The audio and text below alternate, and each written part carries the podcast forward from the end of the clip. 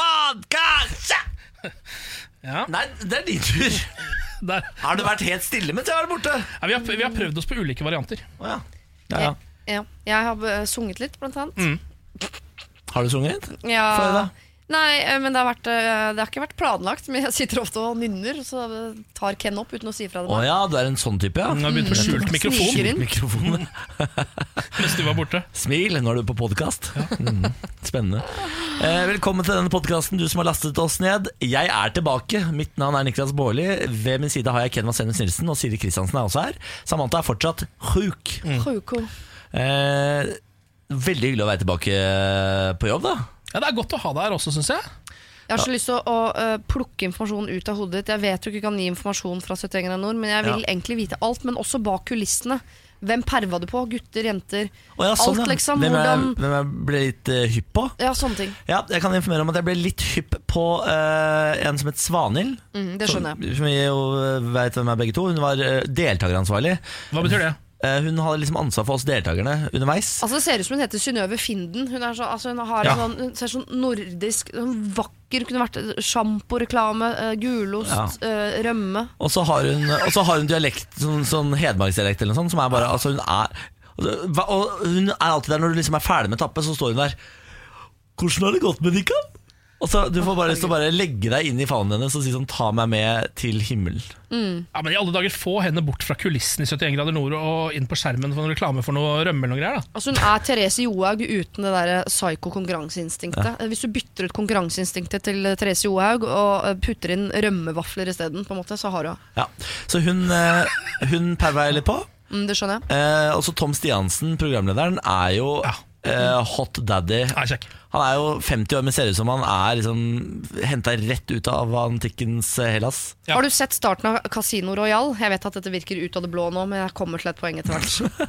Casino Royal, den beste James Bond-filmen. Nei, det er det for guds skyld ikke. Det Det er en av de beste, altså. absolutt, det er absolutt en av de beste. James Bond-filmene. Pierce Brosnan og Pierce er vel ikke med i Casino Royal? Golden Eye. Golden Eye. Beste James Bond-film.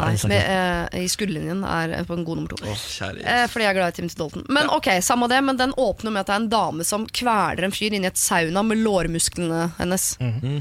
Bland det med Tom Stiansen. Man har, man har litt lyst til å ha sånn eh, lårkvelesex med Tom Stiansen. Bli med meg! Det er flaut å stå i denne båten alene. Jeg synes det er litt deilig at du sitter alene i denne båten. Bli med meg om bord i denne båten. Nei, altså- Gå til bunns ned sammen med denne båten, sier jeg. Jeg vet ikke hvordan jeg skal Hvordan jeg hadde Du vil at han skal eh, ta låra sine sine. rundt ansiktet ditt og kvele. Ikke så du dør, bare så du blir en omtakelse. Bare så man Bare som å bli litt lett i hodet, liksom. Jeg må gå hjem nå. ja, det, det, Jeg må her, hjem. her lærer jeg stå aleine, Siri. Jeg beklager det. Uh, My heart will go on. Bare hvordan går man videre herfra? Jeg vet ikke.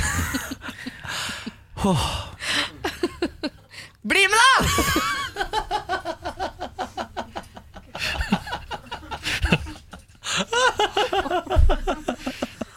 kan ikke gråte løsruten når det faller av. Siri Kristiansen. Uff.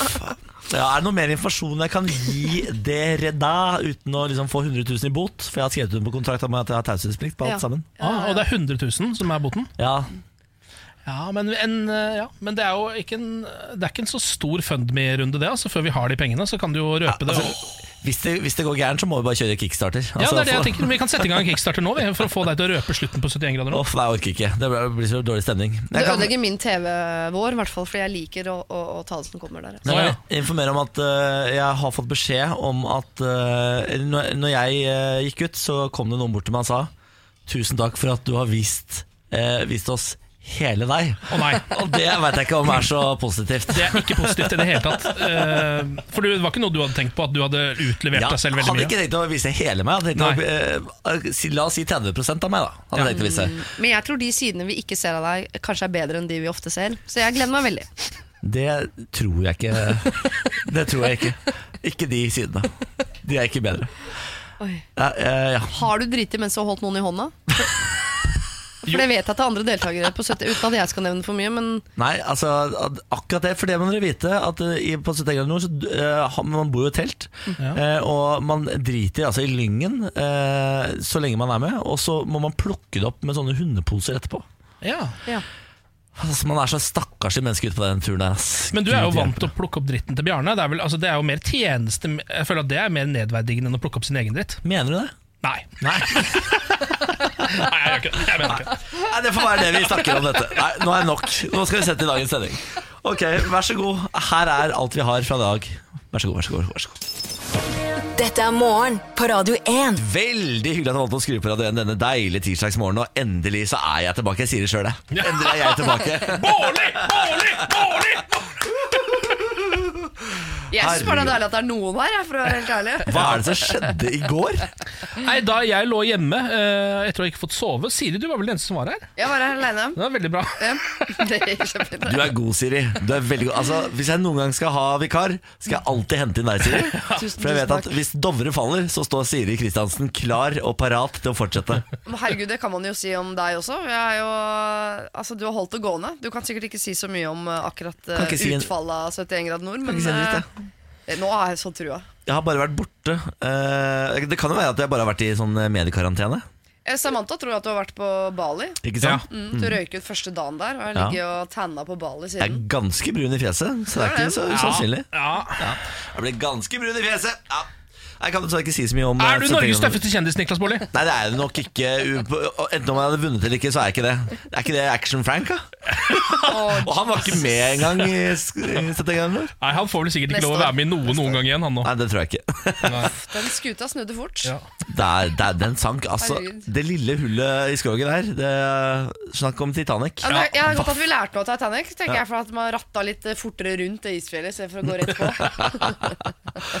Det er så hyggelig å være tilbake. Hyggelig å se deres blide fjes. Eh, Ken Vasenes Nilsen, hvordan står det til med deg i dag? I dag står det veldig veldig bra til. Det er utrolig godt å se deg, Niklas. Takk for det. Eh, Jeg trodde, altså, um, Du har jo den effekten på folk at man eh, altså, når du først er i rommet, så tenker man han kommer til å være der for evig. Det er ikke noe vits å begynne å liksom bli for glad i han nå, for han kommer bare til å gå rundt der.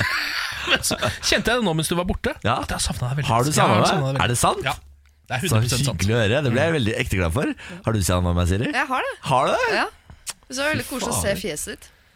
Åh, her, for en gjeng, altså. For en Du har gjeng jeg blitt jobber med. kjekkere òg, liksom. Du Syns du kler Ja, du har det. eh, frisk luft. Du må begynne å komme deg ut mer. Jeg kler faktisk, eh, jeg kler faktisk frisk luft ganske godt, altså. Ja, har du nå blitt eh, omvendt? Har du nå blitt en eh, 'jeg elsker telt og friluftsliv'-mann? På ingen måte. Å nei, Nei, på ingen måte. skuffa. Eh, ja, nei, eh, så gærent kunne det ikke gå, tror jeg.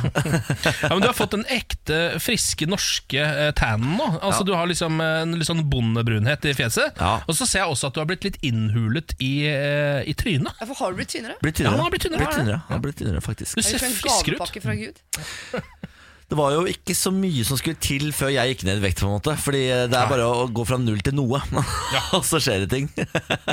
Ja, så Enten har du vært lenge på 71 grader nord, eller så har du ligget på Bali og tatt betakaroten. Da blir man jo tynn, brun og kåt Det- Det kan eh, være en av de. Du får eh, svaret sånn til våren en gang. Februar-mars. For lenge til! Tror jeg det skal begynne å gå. Er det hvitbalanse vi skal holde på med nå i månedsbevis? Eller var det Ja, nei, de skal vel klippe. Skal vel prøve å redde stumpen av hva jeg har levert på kamera her, tenker jeg. Tror det er det i hovedsak. Oi, oi, oi.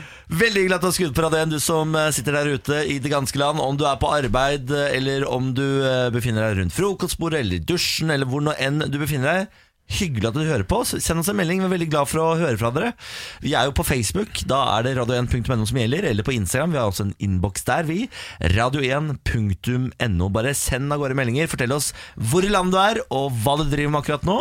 Kan fortelle dere at jeg holdt på å bli tatt i billettkontroll i dag på bussen. Holdt på. Jeg visste ikke at jeg hadde billettkontroll så tidlig, så jeg tenkte når jeg, når jeg setter meg på bussen nå, så kjøper jeg månedskort. For da sitter jeg inne, og det er deilig, og så slipper jeg styre med det mens jeg går og sånn. Så kommer jeg inn på bussen, setter meg ned, prikker en dame på skulderen. Billettkontroll. Og så sa jeg, du, jeg skal jeg være helt ærlig, jeg har tenkt å kjøpe Jeg sitter nå og driver og skal kjøpe månedskort. Kan jeg være så snill å slippe den bota? Jeg pleier å kjøpe billett. Så sa hun, det er greit, jeg tror på deg. Er det sant? Jeg ble trodd av en billettkontrollør. Det skal ikke være mulig! Jeg trodde ikke de hadde puls, men de har tydeligvis både puls og hjerne og alt. Yes, Det overrasker meg. Og hun var altså, blid og søt i tillegg. Så til billettkontrolløren på Lilleøyveien i dag, tusen hjertelig takk for at du eh, sparte meg de 1200 kronene. Tusen hjertelig takk. Det må være jæsla kjipt for henne. da Det er liksom den ene muligheten du har den dagen til å utøve all din makt, Ja. og så får du ikke gjort det. Ja, Blir det for hyggelig til slutt? Blir for jovial. Ja. ja. Nei, det var jeg veldig glad for, så personlig veldig veldig fornøyd. Morgen på Radio 1. Hverdager fra seks. God tirsdag, hyggelig at du har skrudd på. Mitt navn er Niklas Baarli. Hvis du har blitt eh, ny lytter av Radio 1 den siste måneden, så kan du jo få vite at jeg pleier å være her. Ja. Hver dag, faktisk. Ja. Har bare vært en eh, månedstur borte, men nå er jeg tilbake, da. Back in town. Ja, og det er et fjes som sitter i Altså, det, det fjeset hører hjemme her i dette studio. Det er et eller annet som ikke er helt riktig når det fjeset ikke er i dette studio. Det er koselig at Så nå er det sier som det skal være her. Jeg syns det er så koselig at du sier eh, Ken. Jeg blir så glad inni hjertet mitt. Tusen takk. Eh, ja, eh, nå har altså Action Frank blitt kasta på, på tangaen ut av Skal vi danse. Eh, Frank Løke han eh, kjørte jo et lite nakenstunt på lørdag, hvor han hadde på seg sin sedvanlige Borat Mankini, denne gangen i farget rødt istedenfor grønt, som han vanligvis pleier å ha. Falt ikke, falt ikke i god jord hos TV 2 eller dansepartneren hans eh, eller eh, deler av seerne. Sier du det, altså? Ja, jeg sier- Der er det norske folk veldig Er du, delt. Mener du det? jeg er enig, det norske folk er delt der. Er de delt? Ja, for det er mange som hyller eh, Frank Løke som en gud, og som mener at eh, Skal vi danse nå er eh, et fattigere TV-program, og at Ja. TV 2 har driti seg ut. Hvilken del av folket er det egentlig? Fordi eh, de har jeg lyst til å ta en prat med. Ja, Det er vel de som mener at uh, man trenger noen som tør å liksom uh, sprite opp det der ganske sedate TV-programmet bitte lite grann. ja, jeg tipper jo at det er folk som vanligvis ikke ser på Skal vi danse. Han har jo trukket en helt ny gruppe mennesker til TV-skjermen. Så Ja. jeg, er egentlig så var det eh, Jeg var overraska at TV 2 ikke på en måte koste seg med den karamellen. Men det, jeg men det jeg ikke skjønner er Fordi nå viser det seg, jeg leser i Medie24 Som er sånn eh, nettavis som skriver om mediebransjen. Ja da, vi har hørt om Medie24. Ja, men kanskje ikke de der ute, Siri? Kanskje ikke de som ikke jobber i media Jeg har hørt om Medie24 Jeg tenkte på de, ja, kanskje, Ja, Det er ikke ja, alle som sitter og jobber på radio hver dag. nei. Eh, Medie24 skrev jo om at TV 2 faktisk hadde en eh, sak tidligere på dagen Hvor de sa sånn Ja, det blir vel nakenstunt i dag Og hvor han hadde sagt sånn Ja, jeg har fått spesialsydd denne drakten Så TV 2 ja. visste at De var klar over det? De var absolutt klare det. De hadde laget sak på det. At uh, han skulle ha dette Borat-showet. Å ja. Ja da. Men hvem var det, hvem var det bare dansepartneren hans som ikke var klar over Det var bare dansepartneren som ikke var klar over det. Ja. Eh, nå ser jeg at det står her at han da får heller ikke være med i TV 2-programmet Kjendis søker kjæreste. Ja, det er også et program vi må snakke mer om, faktisk. For den lineupen der Ja. Ja, Den er eh, veldig hjelpe spesiell. meg, altså. Kan du bare nevne ett navn? Lilly Bendriss, for eksempel, som er med i det programmet. eh, Eller skal være med i det programmet. Burde Kommende ikke hun være i stand til å finne sin egen kjæreste, all den tid hun finner spøkelser på flatmark? Helt riktig. Og, ja, hun må jo vite hvordan det der ender uansett, Ja. eh, Lilly. Men eh, n- nå som TV 2 har sparket Frank Løke ut av to av sine egne TV-programmer, Ja. selv om de visste hva han skulle gjøre, og jeg føler at de også oppfordret litt til det, var å lage saker på det. Og Det må jo også nevnes at dette er jo det Frank Løke gjør. Ja, ja. Så Uansett hvor han er, så løper han rundt i den Bora-drakta. Jeg tipper TV 2 har blitt eh, lei av at han er såpass lite ydmyk. For han har jo helt tydelig fått beskjed om å beklage til sin dansepartner. Og det nærmeste han kommer en beklagelse, er sin egen Instagram, hvor han står avbildet med en blomsterkast og sier sånn Dette er første gang jeg kjøper blomster til en dame. Utrolig kul holdning for øvrig. Eh, og så videre skriver sånn uh, Fordi jeg vis- visstnok har gjort noe galt. Altså Han nekter å si unnskyld.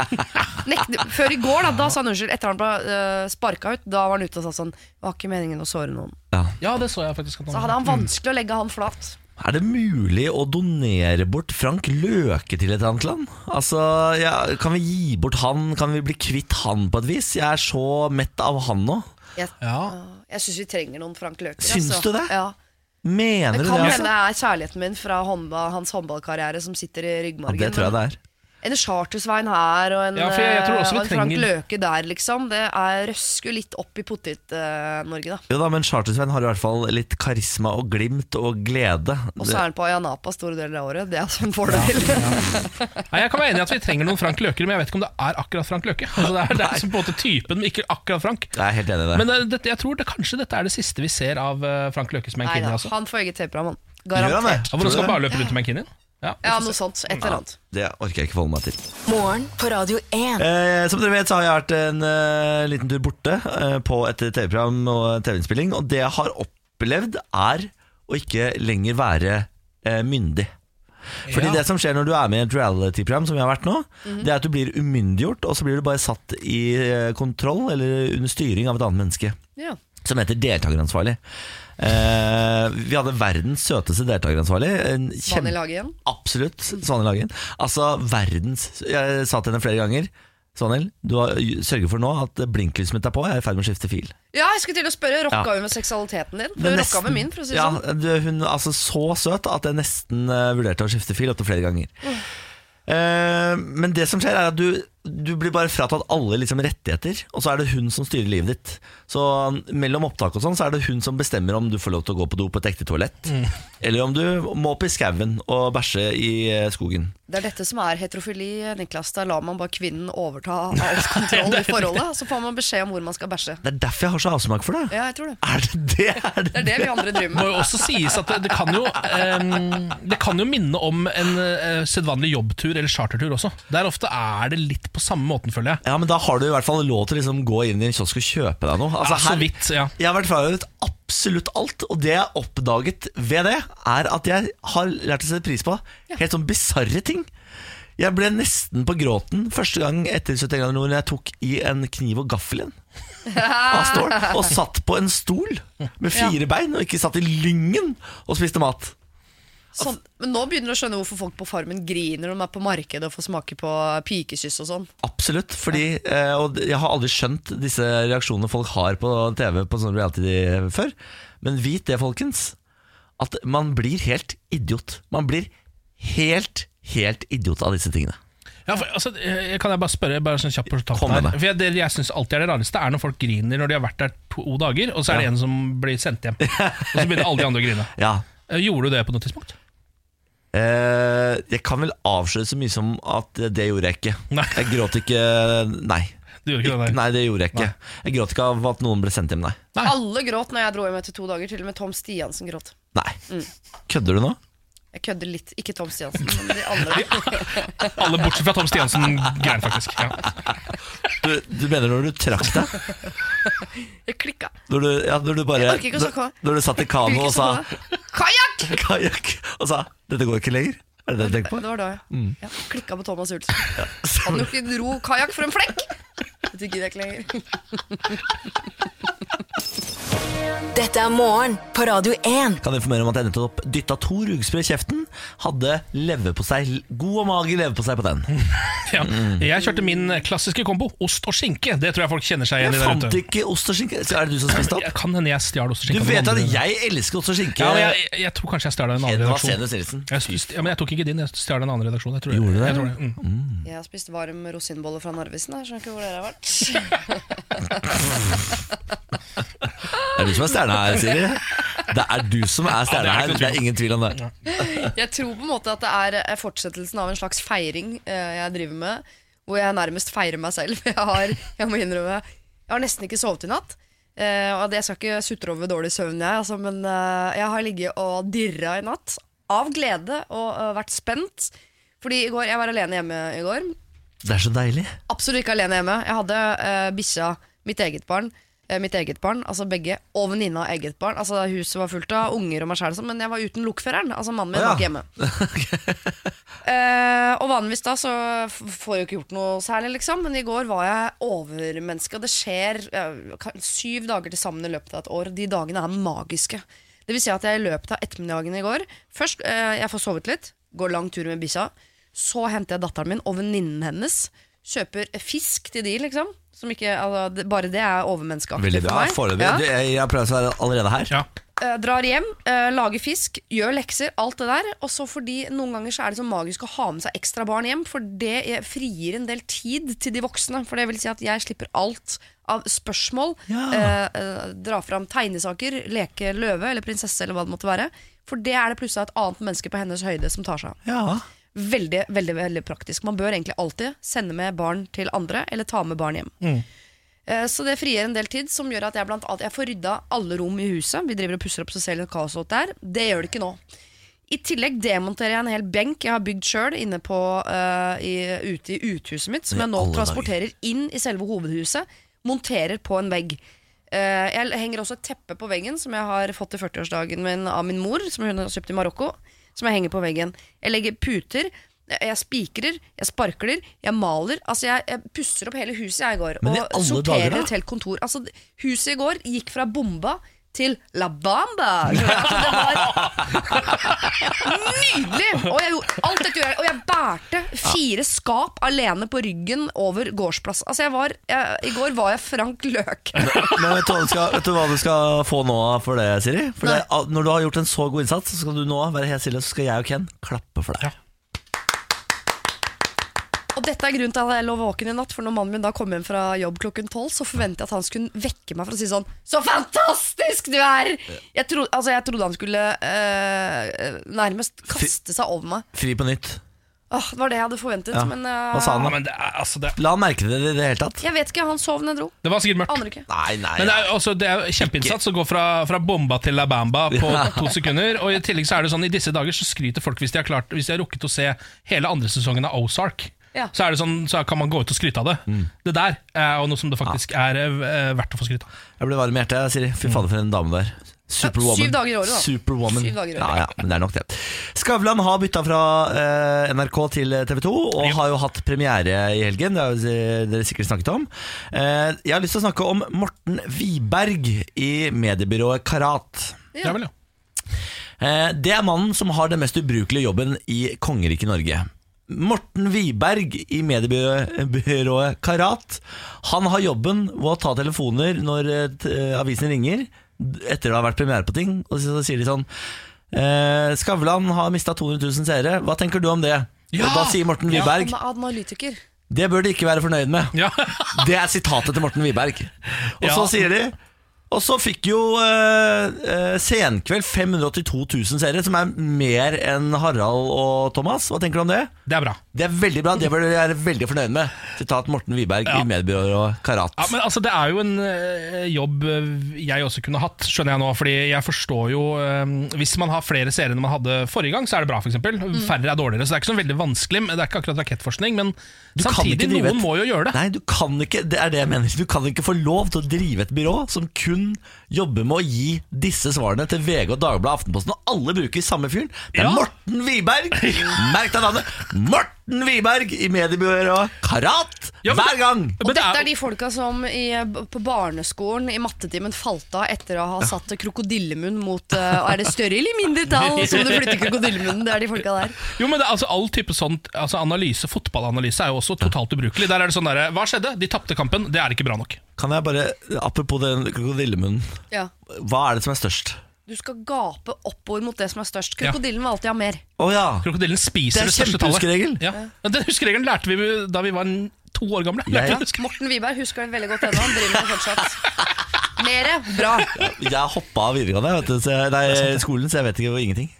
Eh, der hvor jeg bor, så løpes det hele tiden. Eh, nå i helgen var det gateløpet. Eh, Som jeg ikke helt vet hva er, men det er et, eh, Er det det samme som Oslo Maraton? Ja. ja, det er i hvert fall folk som Sier du gateløpet? De kalte det het gateløpet. Det sto på alle plakatene. Gateløpet sto det. Eh, så der var folk som løp rundt i gatene der eh, hos meg. Så jeg våkna på lørdag eh, morgen av en fyr som heide på Bengt.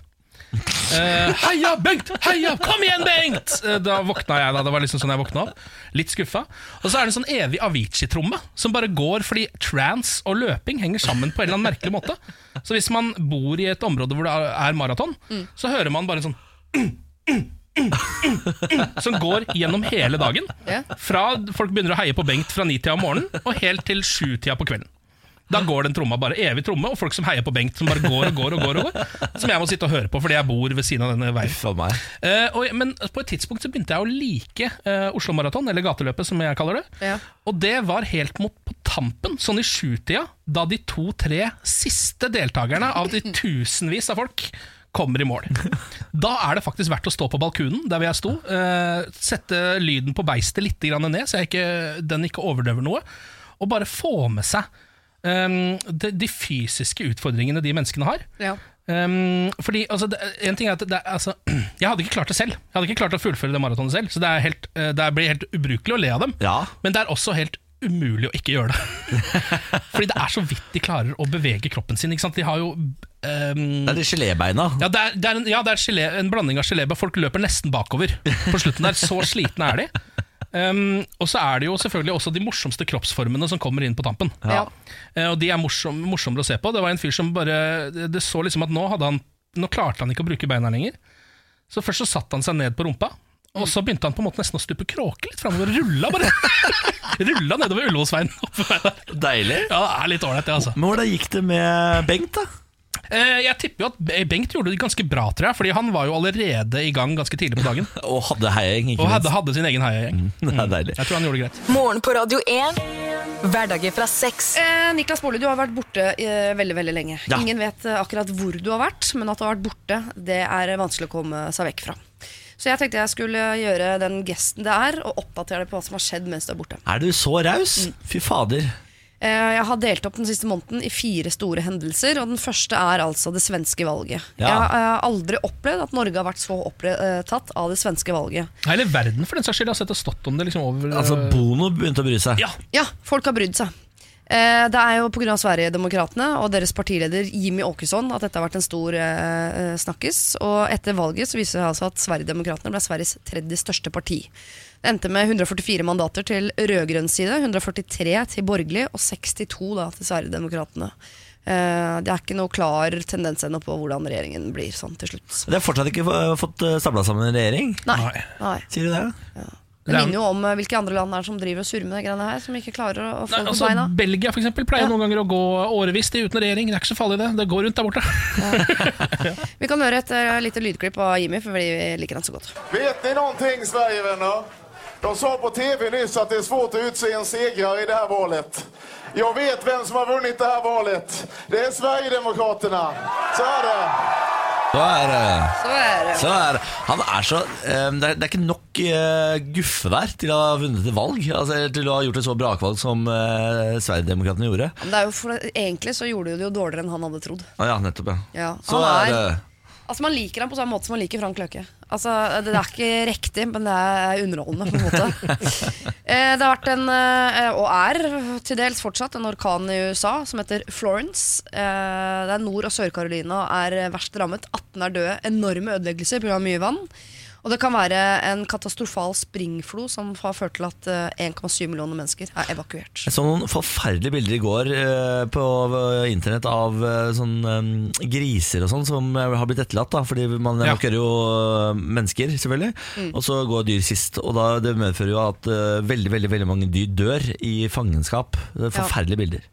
Men så du også bildene av denne værreporteren som sto og prøvde å melde Altså, været? Han klarte så så, vidt å stå på beina i denne stormen. Eh, Det han ikke får med seg, er at det går to mennesker forbi han rett bak ryggen hans uten noe som helst problemer, i shorts. Det er veldig gøy klipp. Det er morsomt. Og så har mannen rørt på seg igjen. Innbyggerne rundt mannen ble evakuert. Så det har vært et stort skred med store steinblokker som har rast, men mannen har ikke falt. Jeg orker ikke snakke mer om mannen. Det var, har det skjedd noe mer? Er det noe mer? Bare drit i mannen. Frank Løkke er jo da det det snakkes apropos mannen. Ja. Eh, For det er det, han som er den ekte mannen her. Mannen over alle menn. Ja. Frank Løkke. Action Frank. Han har vært ute på Instagram, krangla med Tore Petterson, eh, stilt i denne Borat-trusa på Skal vi danse, og nå er han ute av Skal vi danse. Eh, han ble kastet ut av TV 2, det har vi allerede snakket om, og også kastet ut av dette programmet hvor han potensielt skulle finne seg en kjæreste i samarbeid med TV 2. Hvordan skal han nå finne seg kjæreste? da? Her, uten TV-programmer i tillegg. Nå, er han ikke, engang- nå kommer han ikke engang til å være kjendis så veldig mye lenger. Nå er, det, nå er det helt over nå for Action Frank. Mitt forslag er at han og Lilly Bendriss bare går sammen i gruppe og blir sammen de to. Blir ferdig med det. Hvis de er på jakt begge to. Det er drømmeparet, ass. Lilly Altså- Bendriss. Det er i hvert fall god TV. Altså, få Action-Frank tilbake på skjermen igjen. Uh, kalle inn Lilly Bendriss, gjøre om litt på konseptet, og der har du det. Ja, Det er som å gå nedover gata og se plakater. Katt mistet, katt funnet på annenhver stolpe. Tenker sånn, Hvis Lilly og Frank leter etter kjæreste, da har dere funnet hverandre. Der satt den, Der satt den, tenker jeg. Morgen på Radio 1. God morgen, god morgen, og takk for at du har skrudd oss på. Vi setter veldig pris på det. Her har vi altså Ken Vasenus Nilsen på plass. Hallo! God morgen. God morgen. Siri Kristiansen, god morgen. God morgen. I dag har du litt flere rundt deg enn du hadde i går. Ja, absolutt. Var aleine på jobb i går, Siri Kristiansen, da. Eh, som jo er vikar, egentlig. Og så har vi henta inn forsterkning i dag. I tilfelle Siri måtte være aleine i dag også, så har vi fått eh, Fredrik Sjåstad Næss på besøk. God morgen. God morgen. Eh, Du er jo hele Norges konspirasjonsteoretiker. Det har blitt sånn. Ja, du har blitt sånn Ja. eh, kjent for eh, podden som heter Konspirasjonspodden. Last den ned der du laster ned dine podkaster hvis du er glad i å eh, ikke tro på verden rundt deg. Ja, Det er greit eh, innsalg, det. Helt perfekt. Vi skal konspirere litt i dag også. Eh, forrige gang så skjønte jeg at dere har snakket om en svenske som heter Gösta Karlsson. Ja. Eh, Som ble mangemillionær på en oppskrift på naturmedisin som han fikk fra aliens. Det, det, det stemmer.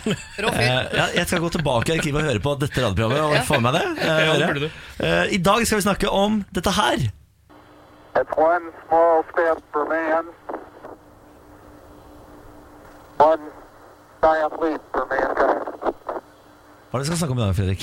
Vi skal snakke om månelandinga. Ja. For eh, 20. juli 1969 så satt eh, Neil Armstrong beina sine på månen som første mann.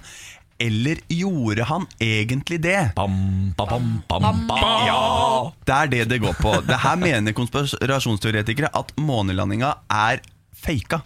At det er filma i et filmstudio. Rett og slett fordi USA var lei av å gå på tap etter tap etter tap i det der eh, velkjente romkappløpet mot Sovjetunionen.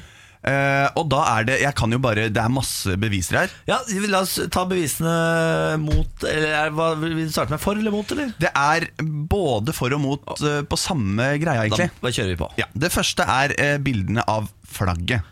For det står rett ut, det har jeg sett. Det står, ja, eller så mener de konspirasjonsteoretikerne mener at det blafrer. Oh, ja. Eh, noe som egentlig ikke skal gå, for det er så vidt meg bekjent ikke så mye vind på månen. Nei. Men da er NASA sin forklaring at eh, flagget det ble oppbevart i et tynt plastrør. Ok. Sånn at det blei eh, folder på det, da. Ja. Ja. Ja, men Og så eh, beveger seg ikke. Det er, eh, altså det er eh, lys og altså sjatteringer i selve stoffet, liksom. Ja, så det ser ut som det er vind og at det blafrer. Eh, noe som teoretikerne mener at det skal ikke gå an på månen. Nei. Men uh, tydeligvis hvis det er oppbevart i et tynt plastrør, for da har det blitt folder på det. Men noe bevegelse i lufta vil det jo være hvis en rakett akkurat har landa. Det har jeg ikke tenkt på. Nei, ring USA Men jeg, tror, det. jeg, jeg tipper det er ganske lenge siden raketten landa før de går ut. Altså, den roa seg ned Ja, men det, du, altså, i det Neil hopper ned med svære drakter altså, altså, Det er jo noe trykk rundt der, liksom. Ja, men er det nok Dette har de tenkt på. Det sitter ikke en 40 år gammel dame i Norge og tenker på ting de ikke har tenkt på. Jo, det kan godt hende, det kan godt hende. Er det du som løser denne konspirasjonsteorien nå? Ja, bare spør hvis du lurer på en som heter John F. Kennedy osv. I know. Eh, I tillegg så mener de at, på, at det er flere lyskilder. Som et bevis på at det er filma i et filmstudio. For eh, på månen skal det bare være én lyskilde. Og da skal, det være, da skal alle skyggene gå samme vei. Ja. Men det gjør det tydeligvis ikke på bildene. Fuck. Eh, noe de Oh, mener god damn. ja. At det da er lyskastere. At det kommer fra lyskastere. Oh. Rigg, rett og slett. Han rigga opp noe greier. At de har rigga opp noe greier. Og i visiret til en av astronautene så er det også et mystisk objekt på det der glasset. Og det mener man at eh, er veldig lik en lyskaster. Ah, Men var det ikke noe lys på den raketten som akkurat hadde landa? Siri! Det burde vært det! Og så, Nå begynner det å dra seg til okay. enda mer. Nå syns jeg, jeg det begynner å bli moro. Ja. Fordi eh, de er jo vektløse og går i sånn slow motion-hastighet.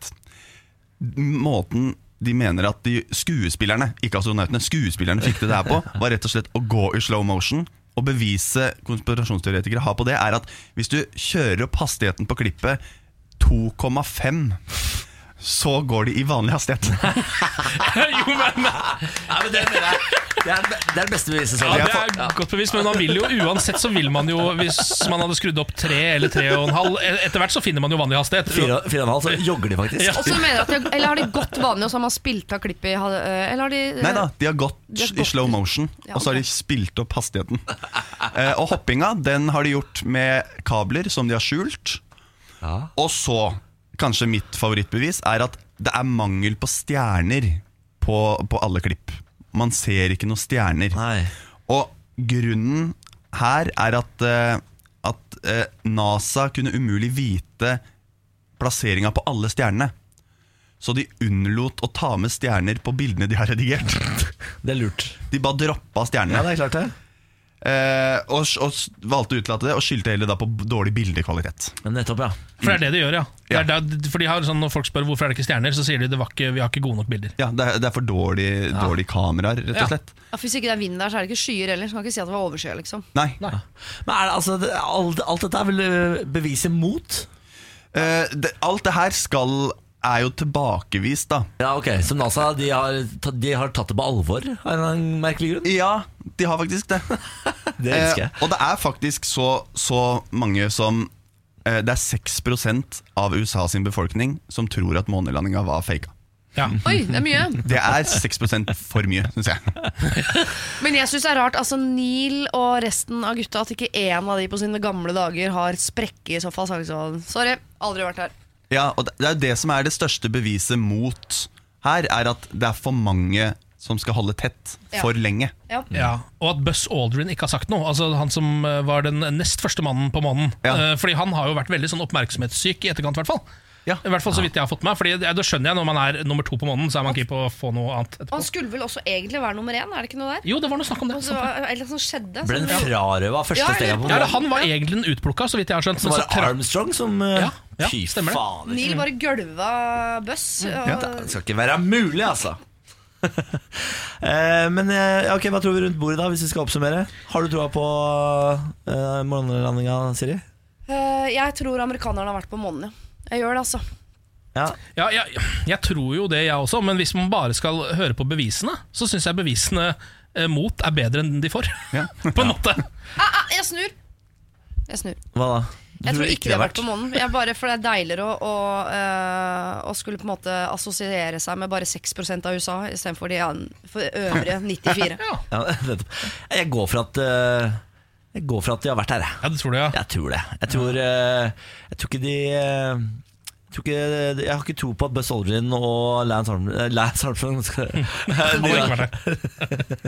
Neil Armstrong Sønnen hans. Nina Simone. Nina Armstrong og Buzz Aldrin Jeg tror ikke de er, jeg tror ikke de er rå nok til å holde denne hemmeligheten eh, skjult. Jeg tror de har vært her oppe. Ja, det tror jeg. ja. Jeg tror jeg går for det. Hva tror du da, Fredrik? Jeg er enig med Niklas. Ja, det er for mange som skal holde tett for lenge. Og det Hvorfor er det ingen som har vært der siden 1972? Det er Ja, det som er så rart. det er det.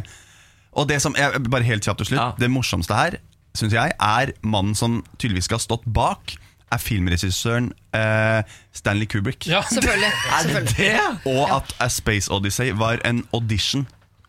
Og den var bra nok. Men jeg syns ikke det er så langt der ute. Hvis USA skulle faka dette, så må de jo bruke sin beste regissør. Ja, det er sant. Og det er jo Stanley Kubrick. sant, er, ja, sant? Sant. Eh, Fredrik Sjåsanes fra Konspirasjonspodden, takk for at du kom innom og så fortalte litt om månelandinga. Takk for at jeg fikk komme. Morgen på Radio 1. Og nå skal vi altså prøve å dele ut én million kroner i Radio 1 million, dere. Mange har jo altså prøvd å melde seg på på dagens eh, inngangsspørsmål, som er Hva het den første offisielle James Bond-filmen? Det kommer ut en sånn humorfilm eller sånn i forkant her, men det er ikke den vi er ute etter. Vi er ute etter den eh, offisielle første James Bond-filmen. Og det eh, fikk jo veldig mange svar på. En som svarte på det, var Sindre. God morgen, Sindre. Hei, hei. Vi må bare sjekke at du har kunnskapen i orden. da Hva het den første James Bond-filmen? Dr. No. Dr. No er riktig, vet du, og da er du fader meg gang! På vei mot Ja, ja. million norske kroner, Sindre. Hva er det du driver med akkurat nå, da, på morgenkvisten? Nei, nå er jeg på tur på jobb. Hva jobber du med, da? Jeg jobber i, som teknisk selger i Felleskjøpet. Felleskjøpet, ja, nettopp. Eh, Har du hvis, fått ordna opp i de der dyrematgreiene deres nå, eller? ja, det greiene der, ja. Ja, det Jeg jobber ikke akkurat med det, da, men eh, jeg tror nok det er i orden, ja. Må ikke, du, må ikke du mase på Sindre om det der? Nå skal Sindre vinne en million kroner, så skal ikke du drive og sette ut Sindre med dyremat.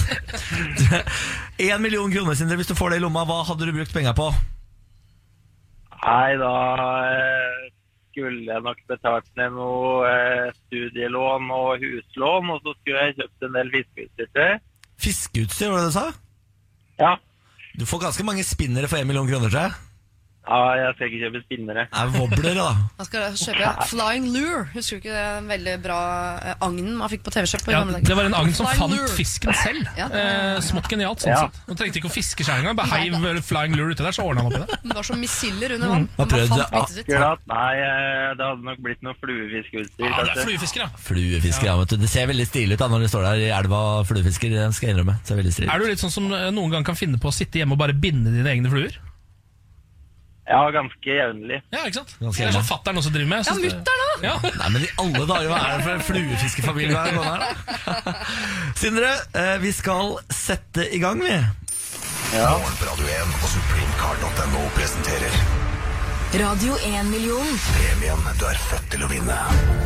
Før vi går i gang her, Sindre, så må vi gjennom reglene. Bak en dato skjuler det seg altså én million norske kroner. For å vinne den må man treffe riktig dato, og det er kun lov til å oppgi sin egen fødselsdato. Er reglene forstått? Det er forstått. Da eh, setter vi like greit i gang. Vi skal begynne med måneden du er født, Sindre. Hvilken måned er det? Det er september. September. Hvilken dag i september er det du er født på? Den 17. 17. september. Og da er det bare året igjen da, Sindre, som kan eh, ordne denne millionen. Hvilket år er det du er født i? 1991.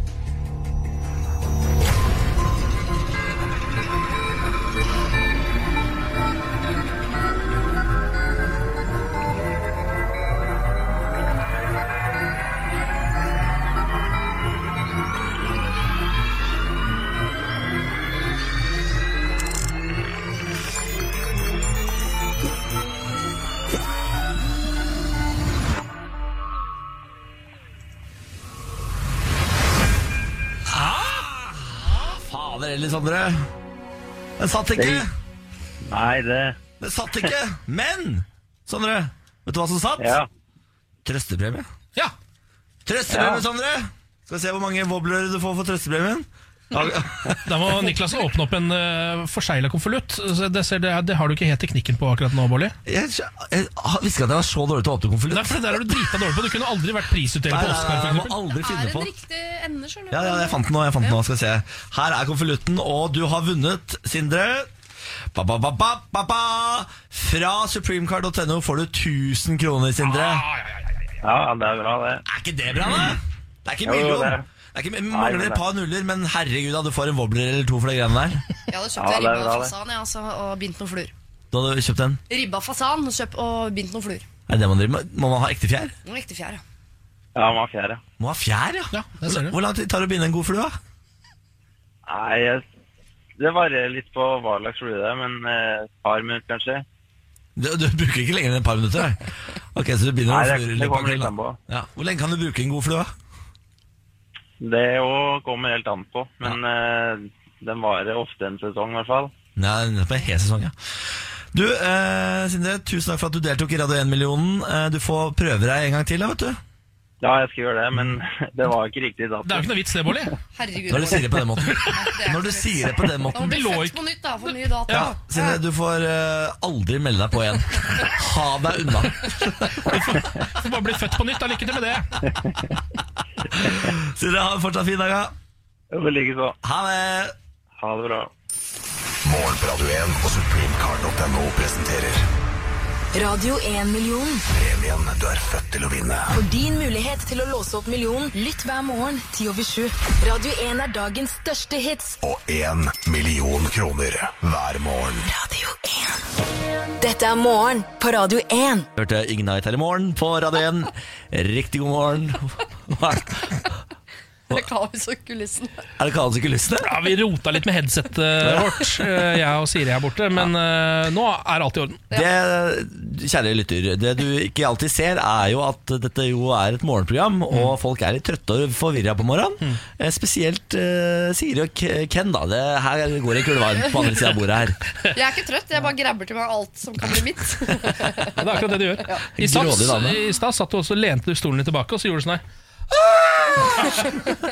Ja, det er Usikker på nå, hva det betyr, men det går bra med deg? ja, nå har jeg vært der så mye at nå begynner jeg å bli husvarm. Og det er først nå jeg kommer til å begynne å oppføre meg som meg sjæl. Ja, men Det er hyggelig, Siri. Jeg setter veldig pris på deg og deg sjæl, vi. Ja. Jeg kjørte jo fra eh, Follo i dag morges, Akershus, Gratulerer. mhm, og inn mot eh, Oslo sentrum. Det tar meg ca. 45 minutter. Wow. Eh, og hver eneste morgen Jeg har gjort det noen ganger nå, eh, Niklas, for å fylle dine sko. Ja, tusen takk for Eller i det. hvert fall den ene. Og da eh, Hver eneste morgen, da sånn ca. fem-syv over fem, så kjører jeg ned Deorbakken i Son, og da ser jeg den samme fyren gå altså med sekk, jakke og hvite krøller nedover hver, Altså Du kan stille klokka etter den mannen. Ja. Og hvis han er der hver gang jeg kjører forbi, så forteller de meg at han er der hver eneste dag. Ja. Og jeg blir og jeg vet ikke hvorfor, jeg blir ekstremt nysgjerrig på hva han skal, hvor han skal, hvorfor og i det hele tatt. Fordi eh, jeg vet at første toget fra Son går 05.15. Det rekker ikke han. For når han er i Deverbakken sju over, har ikke nubbesjans til å rekke Ergo, han skal ikke ta toget. Så han skal noe annet enn å rekke et tog, men går i retning av toget. Jeg forstår, Det er ikke noe næringsvirksomhet eller noe annet mellom der. Jeg ser han aldri på dagtid.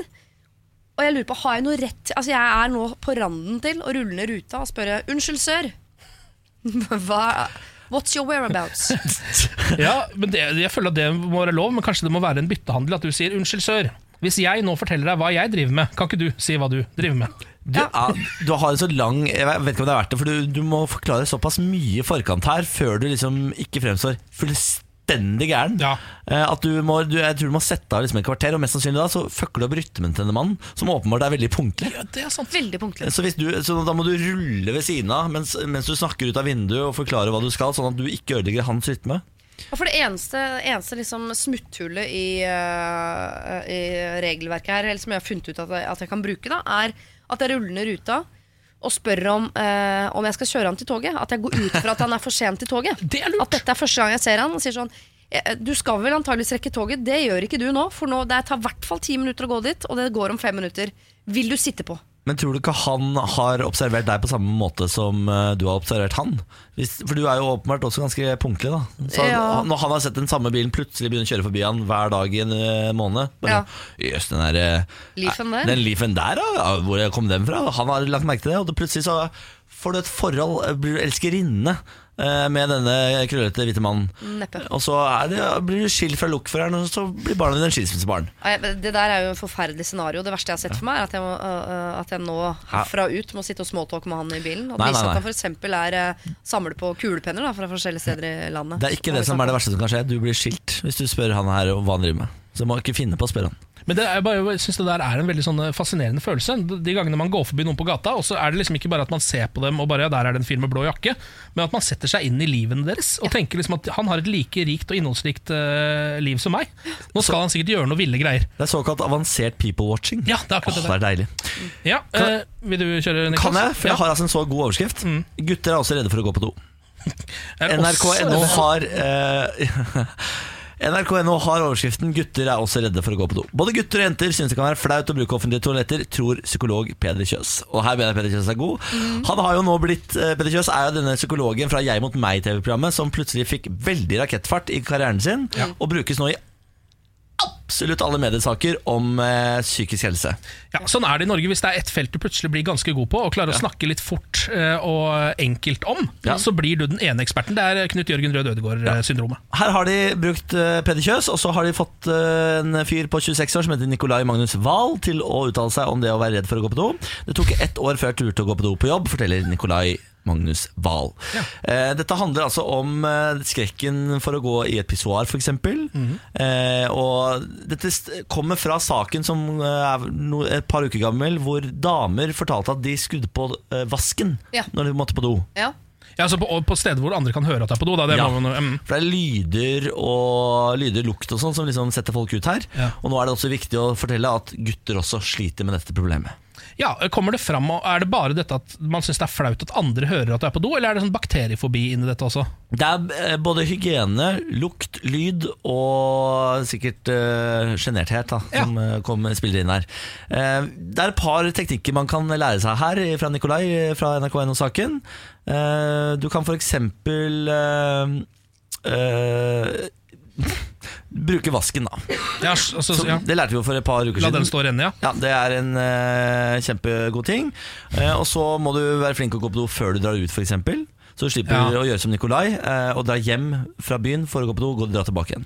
ja altså, de- jeg føler nesten at det er noe unormalt med meg, for jeg har ingen problemer med noen av de tingene der. Når det kommer til sånn offentlig do. Altså, jeg har ikke et eneste eh, problem med det. Kan det være at du faktisk er eh, fra forrige generasjon? Fordi Peder Kjøs mener at det er generasjonsforskjell her. Ja. Fordi på 70- og 80-tallet var det ingen bønn. Da måtte du dusje i, etter eh, trening, og du Ja. måtte gå på do der det var en do. Eh, man tok ikke like mye hensyn på den tida som man gjør nå. Der syns jeg Peder Kjøs kanskje ikke er eh, fullt så god som jeg syns han er i, i 99% av alle andre saker. Jeg tror ikke det bare handler om, eh, om det. Jeg tror det handler om at manndom tidligere ble målt i om du, om du kunne drite skikkelig, om du lukta skikkelig vondt. Altså, var det, sånn, det var et tegn på manndom. Så nå har mannen oppdaget andre kvaliteter, som at det er, kan være ok å være et streit menneske. Og så Ah, så du mener at det er det metroseksuelle som er skyld i dette? Jeg, jeg mener at dere har fått flere eh, kvaliteter og verdier, dere menn, enn før, hvor alt handlet om eh, å, å, å drite og ete. Det ligger noe i det. altså det. Jeg vet du hva? Jeg hadde, hvis, hvis jeg hadde hatt mulighet nå til å leie inn deg eller Peder Kjøs Hvis jeg hadde hatt denne fobien, så hadde jeg leid inn deg. Siri. Mm. Du hadde det, ikke ja, jeg sant? hadde leid inn deg. Ja, ja, ja. Det høres ut som du har mer peiling på dette enn Peder Kjøs. Ja, men du bruker også Vips var jo nye de bare ringer til og ja, Du har en, en mer sånn eh, samfunnsmessig tilnærming til det hele, ikke bare psykologisk også. Det synes jeg er veldig bra. Fader, du er god, altså. Ja. Du er meget god, Siri. Tenk at jeg får jobbe med deg. Nei, Det blir nesten for meget for Ja, det gjør det, det gjør det. blir nesten for meget Jeg tror deg når du sier det. Ja, jeg det er sikkert bare ironi. Jeg mener det. Nei, jeg mener det. Ja, Ironien er død, Siri. Så Nei, det er ikke det det. er død for lengst. Døde med deres generasjon. Spør søs Kjøs om det. Hvorfor er ironien død, Kjøs? Morgen på Radio 1. Hverdager fra sex. Ok, følg med nå. Um, jeg skal snakke om Einar Aas. Ja. Jeg, eh, jeg har fått dette i oppgave fra våre sjefer. Eh, dere må snakke om Einar Aas. altså denne eh, kraftspekulanten, eller hva jeg skal kalle han. Dere har sikkert sett det er, altså det er eh, saker om han i alle aviser, og det er det samme bildet. For dette er det eneste bildet som fins av Einar Aas. Det er et svart-hvitt-bilde som ser ut som han er med i en true crime-sak. Enten som offer eller morder. Ja, Man ser at den mannen han er skyldig. Ja, et, det er et eller annet Fins han i det hele tatt? Det lurer man jo på. Og så prøver man å lese om saken, og jeg har lest om det i VG, Dagbladet, eh, E24, Finansavisen, DN altså, Jeg prøvde prøvd å lese om han overalt. Ja. Problemet er at en ting er at det er vanskelig å forstå gåten Einar Aas, fordi han nesten ikke fins. Eh, det er vanskelig å forstå for meg børs. Det er en av de Ja. tingene altså jeg, jeg kan si at det er, det er mye jeg forstår. Børs er en av de tingene jeg har fått forklart mange ganger. Og det er ikke det at det er så uforståelig. Jeg bare, jeg kjøper, det er som alien for meg, liksom. Eller, det virker, jeg, får, jeg får det ikke inn. Nei. Får det ikke inn. Og når disse to uh, verdenene møtes, og det i tillegg snakkes om ting som man heller Altså Nasdaq, kan noen fortelle meg hva det er? Det er en børs, det er internasjonal børs. Ja, det er en indeks, ja. Mm. Ja, eh, En indeks? Altså, jeg, Ja, en børsindeks. Ja, Men jeg bare, når jeg leser en setning, og syv av ni ord i setningen er ting jeg må uh, slå på Wikipedia, Ja. og jeg forstår ikke Wikipedia-artiklene bak ordene, da begynner det å bli vanskelig for meg. Men jeg kan fortelle om Einar Aas. ja, hva er saken? Eh, Han er altså da uh, Han har investert masse penger i kraftmarkedet. Ja. Uh, og så har han da på et eller annet tidspunkt Han har blitt altså, steinrik på kraftmarkedet. Og kraft vil altså solenergi, vannkraft, al altså alle Ja. disse her. Og på et eller annet tidspunkt så, eh, så bekrefter han det jeg tenker om børs. At du har noen skills, men det er også vill gjetting på en måte, og flaks. Han har satset på, eh, eller gamblet på, eh, at den norske kraftprisen skulle stige jevnt med den tyske kraftprisen. Altså at eh, det skulle ha samme verdi på tyske, tysk kraft og norsk kraft. Ja. Ja. Det gjettet han på. Han bare, jeg går all in, jeg legger alle pengene mine på svart. Og sier at prisene i Norge kommer til å bli like som prisene i Tyskland på kraftmarkedet. Han leste analysene feil. Ja, det må han ha gjort. Fordi det viser seg at sånn ble det ikke. Det ble motsatt, fordi plutselig begynte det å regne i Norge. Så det han hadde sett for seg at skulle skje etter en lang tørke her i Norge med kraftprisene, det eh, gikk ikke sånn, for det begynte å regne. Så jeg vil si at eh, den norske kraftprisene falt, mens de tyske kraftprisene steg. Så han tapte på en måte veddemålet mot eh, børsen. Eller jeg vet ikke hvem Hvem er kandidaten imot? Jeg forstår det ikke. Hvem har han veddet mot?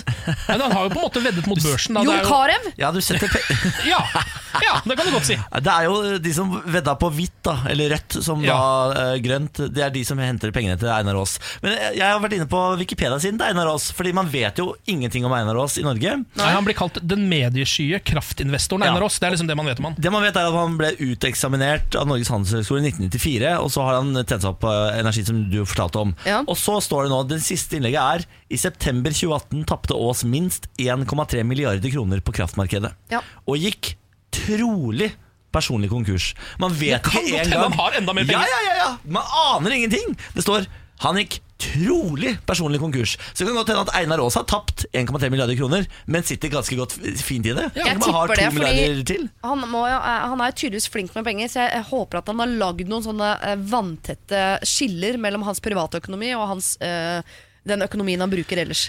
Hvis han hadde tatt en Idar Vollvik, Idar Vollvik mannen som skapte eh, mobilselskapet Chess, solgte det, eh, tjente seg 3 milliarder kroner, kroner altså rik, brukte alle pengene på børs, borte, var personlig konkurs etterpå.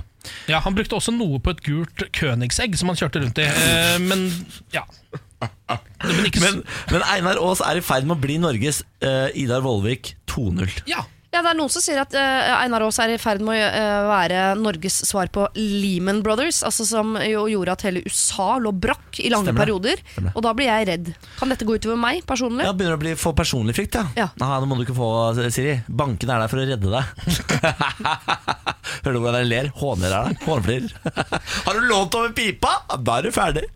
Skal vi gå litt med lokalt til verks, eller? Ja, gjør det. Ja, fordi Vi har jo en spalte som heter Morgen på Radio 1 Aviser deg Norge. Hvor vi Ja. følger en avis eh, gjennom en hel uke eh, her på Radio 1. Um, og Denne uka har jeg valgt ut Sør-Varanger Avis, som da holder til eh, helt oppe i hjørnet i Finnmark, der, på grensa til Finland og Russland. Ja. Der ligger Sør-Varanger. Eh, har um, 9464 innbyggere. Eh, her er en sak fra Sør-Varanger Avis i dag. Nå heter han Jørn Finnmarking Haga i protest. Skiftet navnet sitt for å motsette seg regionreformen. Kirkenesværingen Jørn Haga fikk bekreftelse fra skatteetaten onsdag 12.9. Din søknad om endring av navn til Jørn, Finnmarking Haga har blitt godkjent av skatteetaten, står det svart på hvitt. Eh, til Sør-Varanger Avis sier Jørn Finnmarking Haga at det gikk forbausende enkelt å få skifta navnet. Um, det står her også at han har skifta um, av en enkel grunn. Han stritter imot eh, regionreformen, som skal samle fylkene Troms og Finnmark til ett. Um, og så sier han det er ikke en følelsessak jeg tar standpunkt, fordi dette kan føre til samfunnsendringer som rammer bredt, sier han da. Uh, og så står det under her det eneste aberet for Jørn Finnmarking Haga er at han da må gjennom endring av alt som krever fullt navn, som skattekort og førerkort. Uh, så det er jo et lite helvete rent sånn logistisk å bytte navn til Jørn Finnmarking Haga. Og så står det også Jørn Finnmarking Haga har lang fartstid innen meningsbæring. Som jeg synes er en god. Han ble kåret til årets finnmarking fordi han sto i spissen for sykehusaksjonen for Øst-Finnmark på midten av 2000-tallet. Det er bra. Ja, Nå er han tilbake igjen, Jørn Finnmarking Haga, og setter sitt stempel på denne regionreformdebatten. Ingenting går stille forbi uh, Haga. Nei, det gjør ikke det! Nei, her skal det, her skal det protesteres Ja. om så mulig. Men eh, for et nydelig navn. og Gratulerer med nytt navn. Ja, Gratulerer med nytt navn. Og så kjenner jeg at jeg har også lyst til å, etter hvert så, at man kan si om meg at man har lang fartstid innen meningsbæring når jeg kommer dit. Det skal stå på din gravstøtte. Det skal stå på gravstøtte Men hvorfor, når han først var inne i byttemodus, hvorfor han ikke byttet til Jøn Finnmarking? Så det er mye morsommere. Det er nesten for morsomt. Jeg, jeg, tror- jeg tror han tenkte Jeg tar en avveining på dette. Det Ja. blir for morsomt. Ja. Eh, Ken Østfolding eh, Senus Nilsen. Ja, Jeg, vil, jeg, tror jeg, kjører Ken Mossing. Altså. Ken Mossing. ja. Ken Mossing Nilsen. herregud, men Ken Mossing er jo et kjempenavn, faktisk. Det høres ut som et svensk navn. Ken Ja. Mossing. Ken Mossing. Det Ken artist. Mossing Vasenius, da. Du beholder vel ikke Nilsen hvis du skal kutte ut dette etternavnet? Nilsen-slekta overlever, da. Ja, jeg, men jeg kutter alt. Da bare kjører bare Mossing. da Ken Mossing. Starte en ny slekt. Åh, gjør det. Morgen på Radio 1. Her er Ken Vasenius Nilsen. God morgen. Hei. Skjeggefransen, som har altså eh, justert skjegget siden sist jeg var her. Ja. Du har blitt langt mindre. Ja, det stemmer. Jeg hadde besøk av min nye barberer Mukos, eh, som eh, kommer hjem til meg og barberer meg. For så- Såpass rik har du blitt at du, du Ja. nå får alle leveranser hjem nå. Ja, og Han støvsuger også leiligheten min etter han har barbert meg. Herregud, for en Hele? kjempe- Altså de rommene han ikke har barbert i også? Nei, bare uh, stua, som vi pleier å ta det i, men det er det største rommet. Men tar han også håret? Ja, Han gjør det, ja. Han gjør det. Nettopp. Siri Kristiansen også her. God morgen. God morgen. Eh, Du ser jo ut som en million dollars som alltid, du. Mhm, takk. Men du har ikke justert noe siden sist. Jeg må si noe. Du ser veldig bra ut, Ja, ja, Siri. tusen takk. Ja. Nei, jeg har ikke justert noen ting. Jeg trenger heller ikke å justere veldig mye, da. Det, det må jo sies. Jeg begynte på lavkarbo her på uh, mandag forrige uke. Nå Men jeg igjen? hoppa av på tirsdag. Ja, nettopp. Det er like greit, det. Eh, apropos justere. Dette radioprogrammet har jo som mål å justere mitt parforhold til det bedre. Eh, I eh, spalten Parterapi, hvor kjæresten min sender inn et problem vi har mellom oss, til dere, sånn at dere kan grafse i privatlivet mitt. Ja, Dette er jo også noe vi har holdt på med mens du har vært borte. Det har jeg faktisk ikke tenkt på, men det har Vi dere gjort. Det har vi gjort. Hva er det dere har gått gjennom? Nei, det Nei, Jeg må masse, vi jo bare få vite ligge. hva dere har eh, Nei, jeg, jeg tror de tipsene ligger best hos din kjæreste Benjamin. Er det sant? Ja, jeg, Det tror jeg faktisk. Eh, Det har vært eh, kanskje enda ærligere parterapi mens du var borte. faktisk Vi ser om vi klarer å holde det på det må, jeg- nivået. må jeg tilbake og høre på podkast for å fi- Ja. vite hva dere sier? Kan du må ikke du. heller bare øh, kose deg i parforhold og se om du merker noen justeringer? Ja, men Har dere justert han, da, ikke meg? Ja, vi har vel prøvd å justere han for å justere deg. Vi jeg har prøvd å fjernjustere deg. Galskap. Ok, vi får høre hva dagens problemer, da. Hallo, Benjamin. Halla gjengen, Som dere vet så har Niklas en iPhone X som han er veldig glad i å bruke mye tid på. Og så er det en ting jeg har lagt merke til de siste par årene som jeg ikke har turt å ta opp med han ennå. Og det er det at når vi er med andre mennesker, og jeg forteller en historie eller noe sånt som han har hørt før, så kommer han veldig lett av samtalen, og så logger han på mobilen isteden. Og da kjenner jeg litt på at jeg syns det er litt kjipt å ha en kjæreste som ikke engasjerer seg like mye i meg når vi er med andre mennesker som man gjør når vi er hjemme. Og da blir jeg litt sånn Hvordan skal jeg ta opp dette? Er det noe jeg skal uh, ta opp? Og er det lov å bli bitte lite grann forbanna på det? Ja, Men det der er jo dritirriterende. Fy, det er så slemt! Ja. Ja, men Du, han altså, du samme lever i en historie. Jo, men Du lever i en verden hvor folk er ditt publikum 24 timer i døgnet. Ja. Og i det, de små øyeblikkene i Benjamins liv hvor han trenger et publikum, så bare logger du av og titter ned i mobilen. Ja, det er jo når han forteller historier til andre, ikke når han forteller til meg. Da er jeg på. Nei, men Han trenger jo at det er flere. ikke sant? Du veit jo åssen det er å ha standup for fire mennesker. Det er jo ikke noe gøy. Det er fint om 15 man er med, liksom. altså, Selv om man er har hørt historien før. Det der er Mussolini Det er slemt. Er det er så ja, det er på Franco-nivå. Nei, er det på Franco-nivå? Det er på Hitler-nivå. Ja, ikke Hitler, men Mussolini. Ja, Mussolini-nivå. Men altså, det- Og så har det jo en signaleffekt også. Med en gang han begynner å fortelle en historie, og folk ser at ok, ikke engang typen hans gidder å høre på dette. Han sitter og eh, sjekker noe eh, Reddit om et eller annet eh, spill som han skal spille etterpå. Så, så tenker jo de også at ja, men da kan kanskje jeg også dra opp telefonen. Da. Så sitter det plutselig en hel haug med folk med telefonen mens Benjamin sitter og prøver å fortelle noe. For det er to ting som dreper en historie, bortsett fra hvis historien dreper seg selv fordi den er dårlig. Men Mm. uh, det er, uh, hvis man starter historien sånn her Dette er egentlig ganske kjedelig, altså, man. Ja, det, er det. Da er historien død. Eller det du begynner å snakke, at uh, den som skal elske deg høyest, begynner å titte ned i mobilen. Ok, jeg, jeg, jeg kan være enig og ta selvkritikk på at det sender et dårlig bilde. Eh, Og at jeg bør eh, slutte med det. Ja. Men eh, dere har jo ikke vært nok med Benjamin til å vite at han er ikke en så god historieforteller. Der kommer det. Nå kommer det. Han, han har altså evnen til å ta med de minste, mest ubetydelige detaljer i enhver historie. Ja. Og når du har hørt, altså når du har hørt deg gjennom denne historien to ganger tidligere, så er det en oppgave større enn pyramidene i uh, Egypt. Egypt eh, å høre på den en tredje. Ja, Men da burde jo du egentlig ta et lite Du er jo en ganske god historieforteller. Da burde du ta et lite kurs med Benjamin på dette, for det vil jo gjøre din hverdag lettere, og hans eh, også bedre. Hvis han blir en bedre historieforteller. Og jeg har et veldig godt eh, råd her. Ja. Da må du starte med det som vi kaller bullshit-bingo. Du må mentalt inn i hodet ditt ha for deg et bingoskjema, og i det bingoskjemaet så står det ord som du vet at antageligvis dukker opp, og detaljer som dukker opp i historien. Og for hver gang ord og detaljer dukker opp som du har i ditt indre bingoskjema, så tenker du check.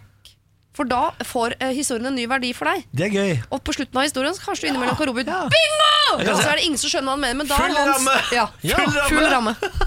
Du må ha bullshit-bingo gående inn i hodet ditt. Sånn at for hver gang han forteller historien, så blir- får den ny verdi for deg. Det er et meget godt tips. Du kan jo til og med gjøre det til en slags drikkelek. Altså- hvis du sitter og kjeder deg. For de som har skudd på Radio 1 akkurat nå, så må jeg informere om at eh, tidligere i dag så var Siri Kristiansen bedre enn Peder Kjøs på psykologiske råd, og det er du nå igjen. Altså nå er du, du er helt der oppe og header på internasjonalt Jeg er på nivå. merket i dag. Ja, du er på merket når det kommer til å gi gode råd. Så det der skal jeg ta med meg, Siri. Ja. Jeg skal lage bullshit-bingo inni hodet. og Jeg skal aldri se på mobilen når kjæresten min forteller en historie. igjen. Takk for tips. Du tok det til deg såpass enkelt. Ja. Og det er det vakreste jeg ser, er kjærester som står og applauderer hverandre, for de syns at det den andre sier, er så fint. Men, men se for deg meg som en leirklump, eh, Ken. Jeg er så lett å forme. Ja, Så lett å forme Det skal jeg benytte meg mer av, kjenner jeg. Det er bare å forme, Ken. Bruk fingrene dine på meg. Som en leirklump. Takk for det. Morgen på Radio 1. Hverdager fra seks. Eh, Skipper Samantha er ute med sykdom, derfor har vi henta inn Siri. Hun vurderer å, å komme tilbake på jobb tidligere enn forventet, for hun sitter og hører på oss og syns det er så gøy at hun klarer ikke Altså, hun bare Ja. Hun har vel fått beskjed av legen om å egentlig holde seg hjemme. Ja. Eh, Så Samantha, hør på legen, du. Vi har Siri. Det går fint, det. Er du? Ja, men er det ikke lurt å høre på legen, da? Jo, jeg bare så begynner at uh, Siri begynner å bli, få såpass overtenning noen ganger at jeg lurer på om det er sunt for deg å være her hver morgen. Uh, ser det, det er liksom akkurat som hjernen din bare åpner seg opp noen ganger for å lufte sånn. Ja. Altså, jeg reiser bort i morgen, så Gjør det? er det. Å ja, ja. Dere, Vi skal i gang med noe av det jeg liker aller best med radio, nemlig å smake på ting. ja. Eh, når det kommer nye produkter vi eh, tenker sånn hm, Er ikke det der ganske digg, da? Eh, så prøver vi å ringe leverandøren av det og si sånn Hei, kan ikke vi få smake på det nye produktet deres og gi en anmeldelse? ja, og det betyr som regel produkter som inneholder lakris. Det stemmer. Vi er lakrisgærne, hele gjengen her. Eh, Det beste jeg vet i hele vide verden, er salt lakris. Ja. Og nå har det kommet en yoghurt fra Tine som heter Nyt lakris, bringebær og lakrisrøssel. Jeg har akkurat åpnet den og luktet på den. Jeg kjenner at altså, sånn, Når det kommer til eh, lakris, så er liksom eh, yoghurt er ikke det jeg hadde sett for meg at skulle komme. Jeg vet det. Eh, så dette er veldig spennende. Jeg, jeg er ganske skeptisk, må jeg innrømme. Men det er lakrisens år, dette her. Ja, det er det. kommer ting i i lakrisform hele tiden her. Veldig, veldig populært. Ja, det er det. Jeg er mer fan av søt lakris enn salt eh, Nei, men lakris sjøl. Det det Og kanskje spesielt apotekets eh, lakris, som også er litt sånn som smaker litt sånn eh, krydder. Du vet at det er et Pepper. psykopattrekk? Ja, Er det det, Jeg, tror- jeg tror jeg faktisk det er. Jeg, tror, ja, jeg tror faktisk man får diagnose når man sier de tingene der. Det er ofte det at du torturerer barn når du, nei, at du torturerer eh, dyr når du er liten. Og at du liker søt lakris. Da Søtlakris og ja, det er fort uh, småbruk og hvite varebiler og sånn. Vi har i hvert fall eh, vår Tine yoghurt her eh, foran oss. Eh, jeg har duftet på den. Den eh, har en svak duft av deilig lakris fra yoghurten. Stram lukt av lakris. Svak. Ja, jeg syns det lukter litt sånn shisha-lakris. Sånn eh, vannpipelakris. Det er sånn, ja. Eh, nå skal jeg ta og fylle alt strøsselet over, Fordi en sånn type er jeg. Jeg liker å bare knalle til med alt strøsselet. Mhm. Blande godt. Blander du òg? Blande Kan ikke du blande litt Siri også, oss så kan du Du, vel, du blander vel strøsselet inni Du har vel ikke strøsselet liggende på toppen? Som en sånn, jo, jeg liker å spise som en kake. At det er glasuren. At det er gjennom alle lag for å Ja, vi kan godt prøve det. ja, nei, jeg blander inn og kjører en liten Jeg liker ikke at det svarte strøsselet avsetter farge på yoghurten. Å, gud hjelpe meg. Hva betyr Dette er det? godt. Ok, nå må jeg smake. Dette er godt. Ja. Dette er verdens beste yoghurt. Det kan jeg kåre nå med en eneste gang. Det er terningkast seks yoghurt. Den smaker altså så nydelig lakris. Det smaker salt lakris, men med et hint av bringebær. Den er kjempegod! Altså Det er som å spise den nydeligste dessert. Dette kan ikke være sunt. Nei, det kan er det ikke jeg være tenker. sunt. Er- Dette er vel en dessert, er det Dette ikke? er, jo, dette er jo Dette er tjukkas-greier. Jeg er enig at det er utrolig god smak, men jeg vet ikke, at jeg, jeg vet ikke om jeg eh, tolererer at det er yoghurt. Det er ikke det som Jeg liker roquefort og jeg, men jeg vil ikke ha det som is, hvis du skjønner. Ah, ja, sånn, ja. Jo, men jeg, jeg, mm, jeg føler at det smaker ikke Det smaker jo dessert av det. Dette er, jo sånn, dette er liksom fedmesunt, tror jeg. Hvis du Hva, skjønner. hva mener du fedmesunt? At det er egentlig ikke sunt, men det er litt sånn sånn kokosbolle. At det er liksom sånn ehm, Du er så glad i godteri at du bare må spise noe som ikke er like ille som Snickers. Mm, som du har gratinert liksom. gratinert Er sjøl. kokosboller bedre enn Snickers? Er det det Oi, ja, ja, ja, ja, ja, Mm. Ja vel. det er en grunn til at Grete Rode gir ut egne kokosboller. Eller Jeanette Rode, dattera. Ja vel? Ja vel. Det visste jeg ikke Nei, det- noe om. Nei, det er litt sånn, til den verden, litt sånn sånn. tjukkas eh, er det sunt, sunt, da. Sier du det? Men man er klin avhengig av de der små, sprø kornene inni der. Som lager en smakseksplosjon Ja. inni gapet. Dette Ja, ja, her er eh, det nydeligste av yoghurt, eh, men unn deg én i helga. Ikke ta dette her som en hverdagsyoghurt, for da tror jeg du eh, går på en smell. For det er ikke en frokost, det der. Det der er noe du spiser etter middagen. Ja. Det, ja, det er en dessert, liksom. Det er en dessert. Ja. Ja. Jeg Eh, syns Tine skal ha kred for det, Fordi eh, jeg trodde aldri at lakris kunne funke i en yoghurt. Det er eh, at Nå har de overgått seg selv borti Tine-konsernet. Ja. Nei, jeg kan ikke, altså Det mennesket som har ansvar for smak på smaksavdelingen og har uh, trylla sammen de greiene her Mm. jeg, må over, jeg må over fra vanlig terning over på fantasy-terning her nå. Ja. Nå blir det rumpetrollbarn, eh, drømmestøv, Ja. tryllehatt og brillene til Harry Potter. Oi, oi, oi. Alt sammen nå! Ja. Alt sammen. Jeg eh, kaster lakrispipe, eh, det og er godt. vanlig huspipe eh, og så va- røykepipe som man har i munnen. Nei, nei, nei, nei, er det sant? Ja, Det er det beste man kan få. Jeg vil informere om at man også får pro-pudding, altså den sunne varianten, i lakris hvis man drar over grensa til Sverige. Bare sånn til folk som vil ha Akkurat nå den. ga vi terningkast, Ja. eh, Siri, hvis vi prøver å følge Terning. med på hva vi driver med her. Jeg prøver bare å drive med folkeopplysning. Terningkast fem. Fem! Hun liker jo søt lakris bedre enn salt lakris. Det er jo psykopat. Hjelpe meg, altså. Gud, hjelpe meg. Dette er morgen på Radio 1. Hvis du skulle mangle armbåndsur, eh, kan jeg informere om at eh, jeg har vært borte i må eh, måte. Jeg har vært med på 71 grader nord. eh, Og det man ikke har der, er klokke. Ja. Det er helt sinnssykt rart å ikke ha klokke. Er det ikke lov å ha klokke? Nei, du får ikke vite tiden. Altså Du blir gæren av det. For du aner ikke hvor mange timer det har gått, du aner ikke hva klokka er på døgnet. Eh, Så derfor skal jeg være veldig bevisst for deg som ikke har klokke der ute, og fortelle deg hva klokka er. Den er 08.47 akkurat nå. Ja, Det man heller ikke har på 70 nord, er jo tilgang til radio. Så det er jo helt ubrukelig for de som er der nå, f.eks. Det stemmer. Å høre at du sier Det klokka. stemmer. Men, mm, eh, men nå skal vi jo eh, over på spalten Reality Check, sånn apropos. Vi prøver å finne et reality-program som jeg kan være med i. Opptatt Niklas bare på hvordan det gikk med 71 grader nord for din del. Ja, 71 grader nord har vi vært gjennom. Det fikk 11 poeng Av? eh, av 50 mulige.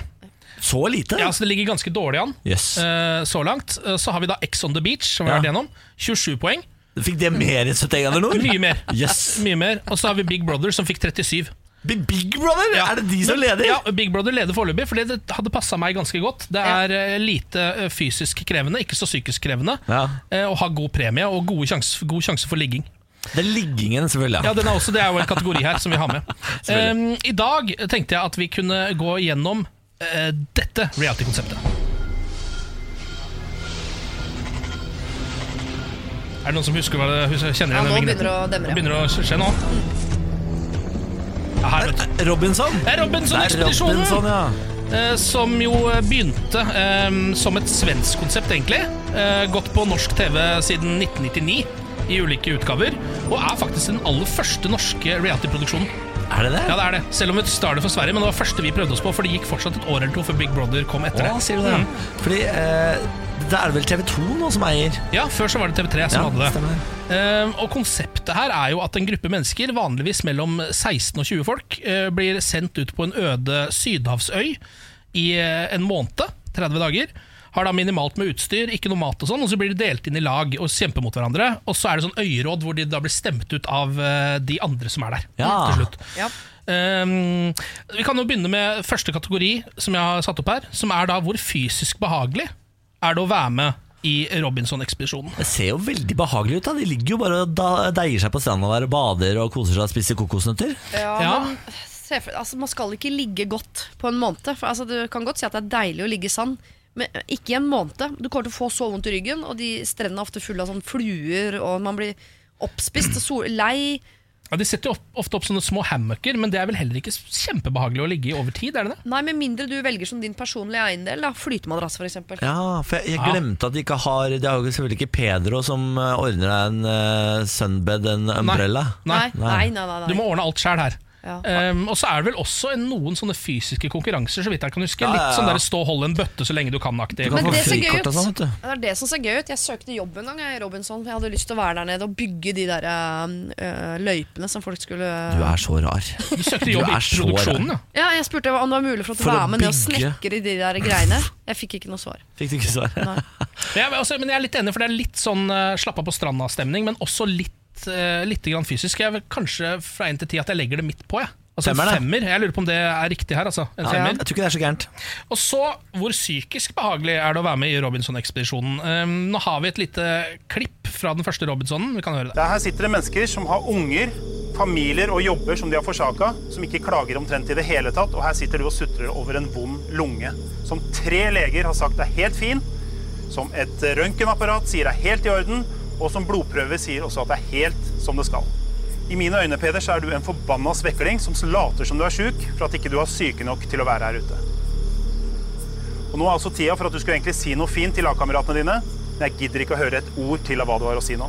Du kan bare stikke rett hjem. Ja, herregud. altså. Sier Christian Falk dette som deltaker det første året, hvor Ja. han jo vant, eller sier han det som programleder i ettertid? Jeg tror dette her er mens han var deltaker. Altså. Det høres ut som Er det programleder. Han høres ut som programleder. Ja, Nå, ja, ja, ja. Du er ute av konkurransen, Ja, ja. liksom. Din forbanna pingle. Stikk Ja. og punkter lungene dine på en annen øde øy, liksom. Ja, ja, det er programleder, ja. Ja, det er det, ja. Veldig streng programleder. Ja, for Oi, han, oi, oi, ja, han vant jo den første utgaven, og så ble han programleder etterpå. Christer Falk. Ja. Um, men man merker jo her at det kan være litt psykisk belastende å være med i dette konseptet. For det, for det første at det er flere folk som har booka under mens man de har holdt på, og at uh, man har en programleder som skjeller deg ut hvis du ikke får det til. Jeg tror ikke det er Christer Falk sine litt for dårlig skrevede sinnataler som uh, hadde knekt meg. Jeg tror det er øyrådet å bli stemt ut av andre Ja. mennesker. Ja. Det hadde knekt meg fullstendig. ass Ja.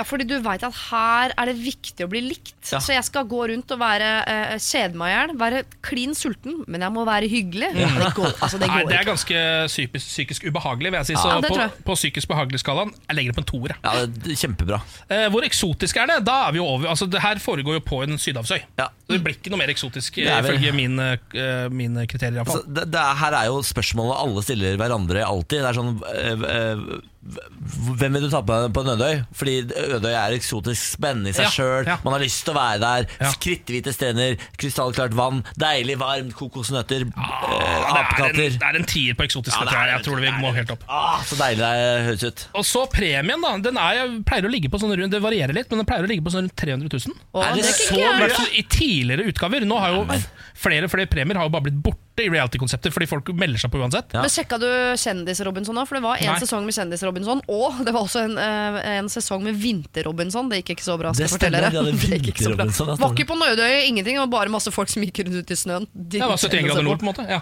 Ja, det så så forferdelig ut, den Vinter-Robinson. Men Men Kjendis-Robinson tror jeg ikke det var noe premie. Det var sikkert ikke noe premie der. Jeg tipper at den premien er ganske mye lavere nå, men hvis vi går ut ifra hvordan det var tidligere, Ja. så er det rundt 300 000. Jeg vil si det er ganske bra til å være et reality-konsept. Ja. Eh, kanskje en altså Jeg vet jo at du fikk en mill for å være med i Big Brother, liksom, så det er ikke helt der, men jeg gir en nier. jeg. Nier på premie. Ja, Jeg syns det er bra. 300 000 for å kose deg på en sydhavsøy. ja det er bare, Yes, en- yes, Og så er det bare en yes, yes. måned. Men da tror jeg ikke du får lønn underveis, sånn som man jo får i mange andre reality-programmer nå Er om ikke, dagen. det, er ikke det bare kjendiser som får det? Kanskje det, òg. Jeg jeg tror ikke du får det på Ex on the Beach. Og sånn. jo, Jo, du fikk fikk 5000 eller 10 hvis du gikk hele veien. Men nå er vi på siste kategorien, altså sjanse for ligging eller kjærlighet. Og der skal jeg fortelle deg noen Ja. hemmeligheter. Det er visst ekstremt mye ligging på Robinson. Er det det? Behind the cameras. Altså, du det? produsenter og kameramenn og uh, deltakere. Altså, det ligges over en lav sko Å, sier du på det? Robinson. Å ja, bare at det ikke filmes. Det filmes ikke, nei. Vet du hva, det er jo Men det ligges jo helt vilt mye på den det, øya der. men da er det i hvert fall en tier. Fordi Hvis man driver og ligger og du ikke engang trenger å sende det på TV, Ja, da er det det bare er å en få klar det tier. Bare Det få det på. tier. Og Altså. så er det solbrune damer òg. Ja, ikke sant? Som ikke har dusja på ukevis. Mm. Jo, litt av turen ned i saltvannet, så er det guttegod. Det greiene der. Skal vi se her da, da har vi altså uh, fått så mye som 29 der, 31 er vel 36 poeng faktisk. Oh, Ett poeng bak. Ett poeng bak Big Brother. 36 poeng på Robinson-ekspedisjonen, som da ligger på andreplass foreløpig. Hvis det blir en eh, sesong to av eh, Robinson kjendis uh Jeg melder meg på allerede nå. Ja, du melder Er det på, sant? Ja, ja, og jeg tar med deg til Ken. Ja, da blir vi da, De to mossingene. da Er Ken din personlige eiendel? Ja. Det er gøy. Det er gøy. Ken er, fly- Ken er flytemadrassen. personlig eiendel. Ken Vasenus Nilsen. Det er ålreit, det. Det er veldig bra. det. Jeg kan være en god madrass. Det hadde vært gøy. Morgen på Radio 1. Hverdager fra sex. Eh, eh, men i alle dager går det bra borti på hjørnet der, eller? Jeg har bare en liten eh, Hva skal jeg si vann i feil hull. Oi! Oi, det er Har du Hva, ja, at det var? Vann i feil hull, ja. Du har vann i feil En hull, ja. klassisk. åpner Hvordan går det, Niklas? Har du diaré, eller? hva? Ja. Deilig å ha deg tilbake, Niklas. Takk for det. Takk for det. Stiller de riktige spørsmålene. Ja, takk. Nå ble, nå ble jeg sliten av meg sjøl. Går det bra, Pernille? Det går bra, ass. Det går, eh, det går strålende, faktisk. Eh, Og det går spesielt bra nå, fordi at eh, vi har jo vært litt tvilende, oss som har vært igjen her og slava på jobb, har jo vært tvilende til hvordan det skulle gå for deg på 71 grader nord. Ja. Eh, Og derfor så måtte vi jo ut og spørre folket for sånn halvannen, nei, to uker siden kanskje. Og jeg tenkte at det hadde vært veldig gøy hvis du fikk høre hva folket trodde om deg. Skal vi høre på det, da? Ja. ja. Nei, han klarer seg vel bra, han, vil jeg tro. Sikkert bra. Jeg vet ikke. Ja. Han så tøff ut. Det var litt vanskelig, men ja, sikkert det. Jeg kjenner ikke til han. Hvem er det? Ja, hvorfor ikke? Jeg har ikke fulgt med på det så mye, men uh, han kommer sikkert ganske langt, han. I would say, yeah, he looks sportive, for sure. Ja, kanskje. Nei, jeg kan ikke svare på det. Uh, nei, det kan bli spennende det. Det går helt sikkert fint. Ja, altså, alle burde jo ha en mulighet, da, så skal jeg ikke se bort ifra det. Nei, egentlig ikke. Nei, det tror jeg ikke. Jeg tror uh, han ryker ut uh, tredje først, tenker jeg. Ja, det skulle vel kunne gå bra det. Han ser jo rimelig sprek ut han, og ikke er han for gammel heller. Hvilke bilder er det du har brukt her? da? Jeg synes veldig mange syns jeg så veldig sprek ut. Jeg har åpenbart brukt 71 grader nord-bildet som du la ut på egen Instagram. Å ja, du har det, ja. Mm. Ja, nettopp, ja. Og folk var, altså folk hadde, har hatt så mye mer tiltro til deg enn det mange andre har hatt. Eh, og jeg syns det, er, det sier noe om det, da. For at jeg, jeg tror Jeg er litt usikker nå når jeg ser på deg, om du faktisk har vært på 71 grader nord. Ja. Fordi du er brun både på armer og ansikt. Ja. Og det kan jo tyde på en liten sånn to ukers ferie i Thailand. Det, altså, det kan jo hende at jeg gikk ut som første og har bare vært i Thailand, ja. eh, Og bare oppfylt denne mediekarantenen min, f.eks. Mhm. Hvem vet? Altså, dere må jo vente og se. Det, det Programmet begynner jo ikke å gå før liksom, Ja, i februar-mars. Ja, det er helt Så dere må bare jeg, Og jeg har ikke lov til å si noe heller. Hvis jeg skulle avslørt meg hvor jeg kom, eller hvor langt jeg kom og så, det er sånn, Jeg tror jeg får 100 000 i bot eller noe sånt. Oi. Ja. Ja, det vil du ikke. Det vet jeg ikke! Er du gæren? Nå trives du med nye bilen din? Hva, hva sa du? Det er ikke bil i premie lenger. Er det ikke bil i premie Ah, faen. Kan, altså, tenk deg om jeg ikke kom lenger enn Lindesnes. Tenkte jeg bare hoppa der. Det kan være. Det er komisk. Men jeg lurer på en ting, eh, Niklas. Ja. Fordi da du kom hjem, du trenger ikke å si når det var, Nei. ble du mest glad for å se eh, Benjamin eller bikkja? Eh, det er vanskelig å si. nei, nei, altså Jeg ble mest glad for å se Benjamin, men jeg savna bikkja mest. Vil det si at du spuna bikkja di den natta? Eh, ja, Bjarne, men Bjarne sover alltid i senga. Eh, jeg har alltid bikkja i senga. Det er, jo, det er jo gleden ved å ha hund og ha bikkja i senga. Helt enig. Ja, ikke sant? Jeg møter så mange som syns at man ikke skal ha hund i senga. Jeg skjønner ikke hvorfor det. Men det er jo folk som ikke liker hund godt nok, da. Altså Folk som kanskje ikke har sin egen hund, f.eks.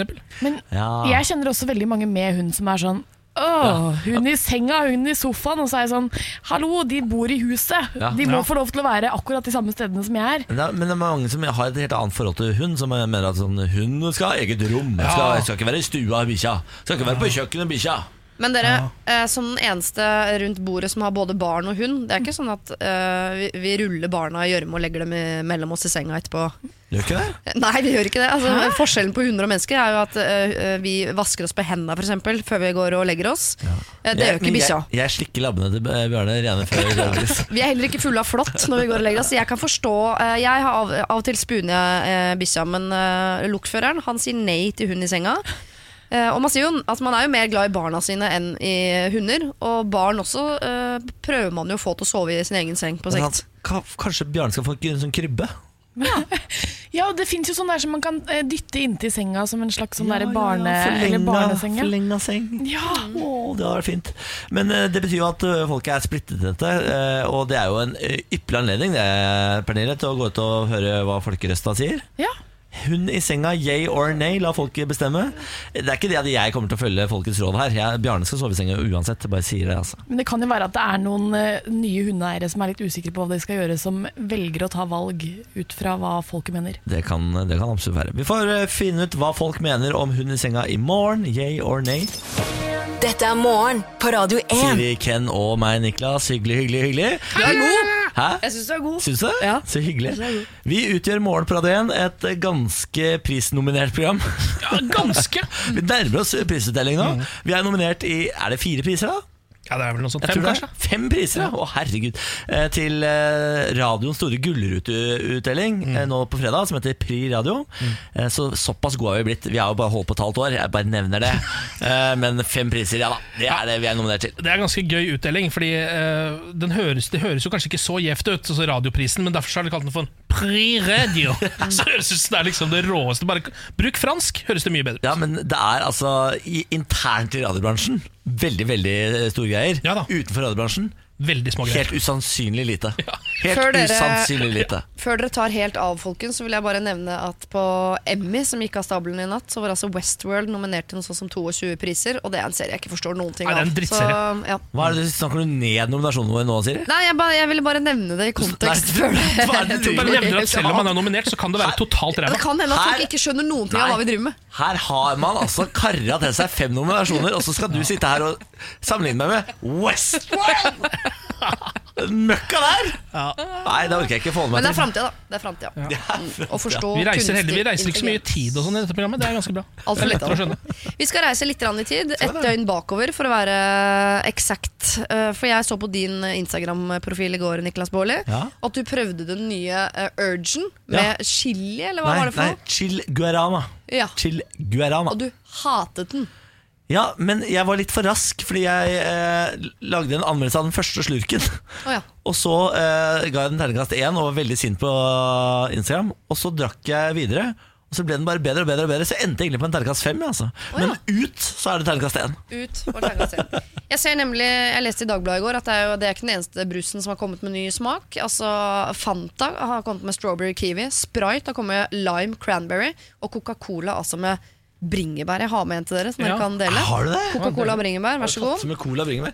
Raspberry uten sukker også. Jeg elsker at de kommer i sukkerfrie varianter. For jeg som prøver å gjøre noe med det fedmeprosjektet mitt, eh, kan da drikke så mye brus jeg bare vil, i nye varianter. Men det jeg også eh, vil eh, si mens du koser deg med en bringebær-Coca-Cola, som du gjerne må sende videre til Ken, er eh, eh, hold på stemninga, for det kan også i eh, fremtiden komme enda en ny Coca-Cola. Denne gangen med cannabis. Oh. Fordi I oktober så blir cannabis lovlig i eh, Canada, og kilder i Coca-Cola eh, har altså fortalt at de vurderer å kaste seg inn i bransjen. Og er i seriøse samtaler med canadiske Aurora Cannabis for å utvikle en drikke med cannabisekstrakter. Det, altså, det er ikke cannabissmak, men altså selve effekten. Hva vi blir fjern av å drikke den colaen? Antageligvis. Å, Jeg, tenkte, jeg trodde jo at poenget med å drikke Coca-Cola var å, å våkne. Ja. Nå er de altså snudd på flisa. Nå skal poenget bli å sovne. Spørs vel hva slags strain du bruker, da for det finnes både opp og ned, har jeg skjønt, i dette cannabislivet. Oh, ja. Eh, nå har jeg- minst har mulig drukket- om cannabis. Har drukket veldig mye kullsyre. Men jeg kan, altså, nå har jeg prøvd denne raspberry-colaen. Ja. Eh, og det må jeg si, det var en overraskelse. Fordi de, de sånn smakscolaer pleier alltid å være så utrolig mye smak. Vaniljecolaen var bare sånn Altså, det, det var så mye vanilje, eh, men i den her ganske behagelig bringebærsmak, faktisk. Bare et hint, liksom. Hint av bringebær. Jeg vil at det skal komme eh, Coca-Cola med chili. Hvorfor finnes ikke det? Ja, godt hadde ikke det vært? Lakris og chili. Mm. Å, fy fader. Men det er jo altså, det er for cola, som jo alle vet, eh, og Nei, men- som det snakkes altfor Du likte ikke den? Siri Kristiansen altså, lager et fjes som Jeg har ikke sett styggere fjes i mitt liv. Ja, vet du hva det, det fjeset der betyr? Jeg, nå ville jeg spydd hvis ikke jeg var på radio, men siden jeg er det, så prøver jeg å holde det inne. Hva er det du sier om Syns du ikke er god? Jeg syns eh, Når søtt møter søtt blir for mye Nei, jeg vil Ja. ikke ha det. Nei, Jeg, altså- jeg vil ikke ha det. Jeg er heller ikke veldig stor fan av den der. Eh, Men altså Nei, Inntil meg, da, for jeg syns den var veldig god. Ja, da kan du få Det resten. var jo, eh, som v- mange har snakka mye om, det var jo kokain i cola før. Det var det? Eh, Ja, det var det. Det var s- små eh, Nei, var ikke det, Er ikke det bare en myte? Nei, jeg tror det var det. altså Jeg tror det, jeg er ganske sikker på at det var fra, i hvert fall fra kokablader, altså, som jo kokain også lages av. Ja, nå er vi, altså, dette her er det minst informative radioprogrammet i Norge akkurat nå. Du sier Men prisnummeret, du, Det var kokain i cola før. Var ikke det myte? Nei, det vet jeg ikke. Det var i hvert fall noen kokablader. Et eller annet. Ja, men jeg, er jeg er ganske sikker på at det var det. vi kan ikke fortsette. Nå Vi må, jeg, Nå jeg vi på hva en samtale er. Vi bare forvirrer folk. Jeg må sette på låt. Morgen på Radio 1. Vær så god. Det var alt vi hadde for i dag. Ja, eh, Nå er podkasten ferdig. Nå er pod- ja, absolutt. Nå er den over. Jeg er ferdig som menneske. Ja, Det er veldig godt at du kommer deg hjem og sover litt nå, Siri. Fordi det greiene her Ja, men Jeg tror ikke du ikke skal sove helt ennå, for jeg tror du kan, du kan få gjort jæskla mye nå hvis du bare går ut der, Siri. Jeg trenger ikke søvn før på fredag. Nei, det tror ikke jeg heller. Nei, Sørg for at du har noen eh, du kjenner godt rundt deg de nærmeste timene. Det tror jeg kan være Jeg tror lurt. Hvis du hadde bare fått, på et eller annet vis sendt deg opp i min leilighet nå, for eksempel, så hadde du bare løpt rundt der som en robotstøvsuger. Er du gæren? Klart jeg hadde gjort. Skjønner du hva jeg mener? Det Ja, er jo- jeg skjønner absolutt hva du mener. Ja. Eh, Du og Ken er tilbake i morgen. Siri, du kommer innom med gode råd i morgen. Jep. Eh, Til da, og for all fremtid, gå med Gud. Ha det!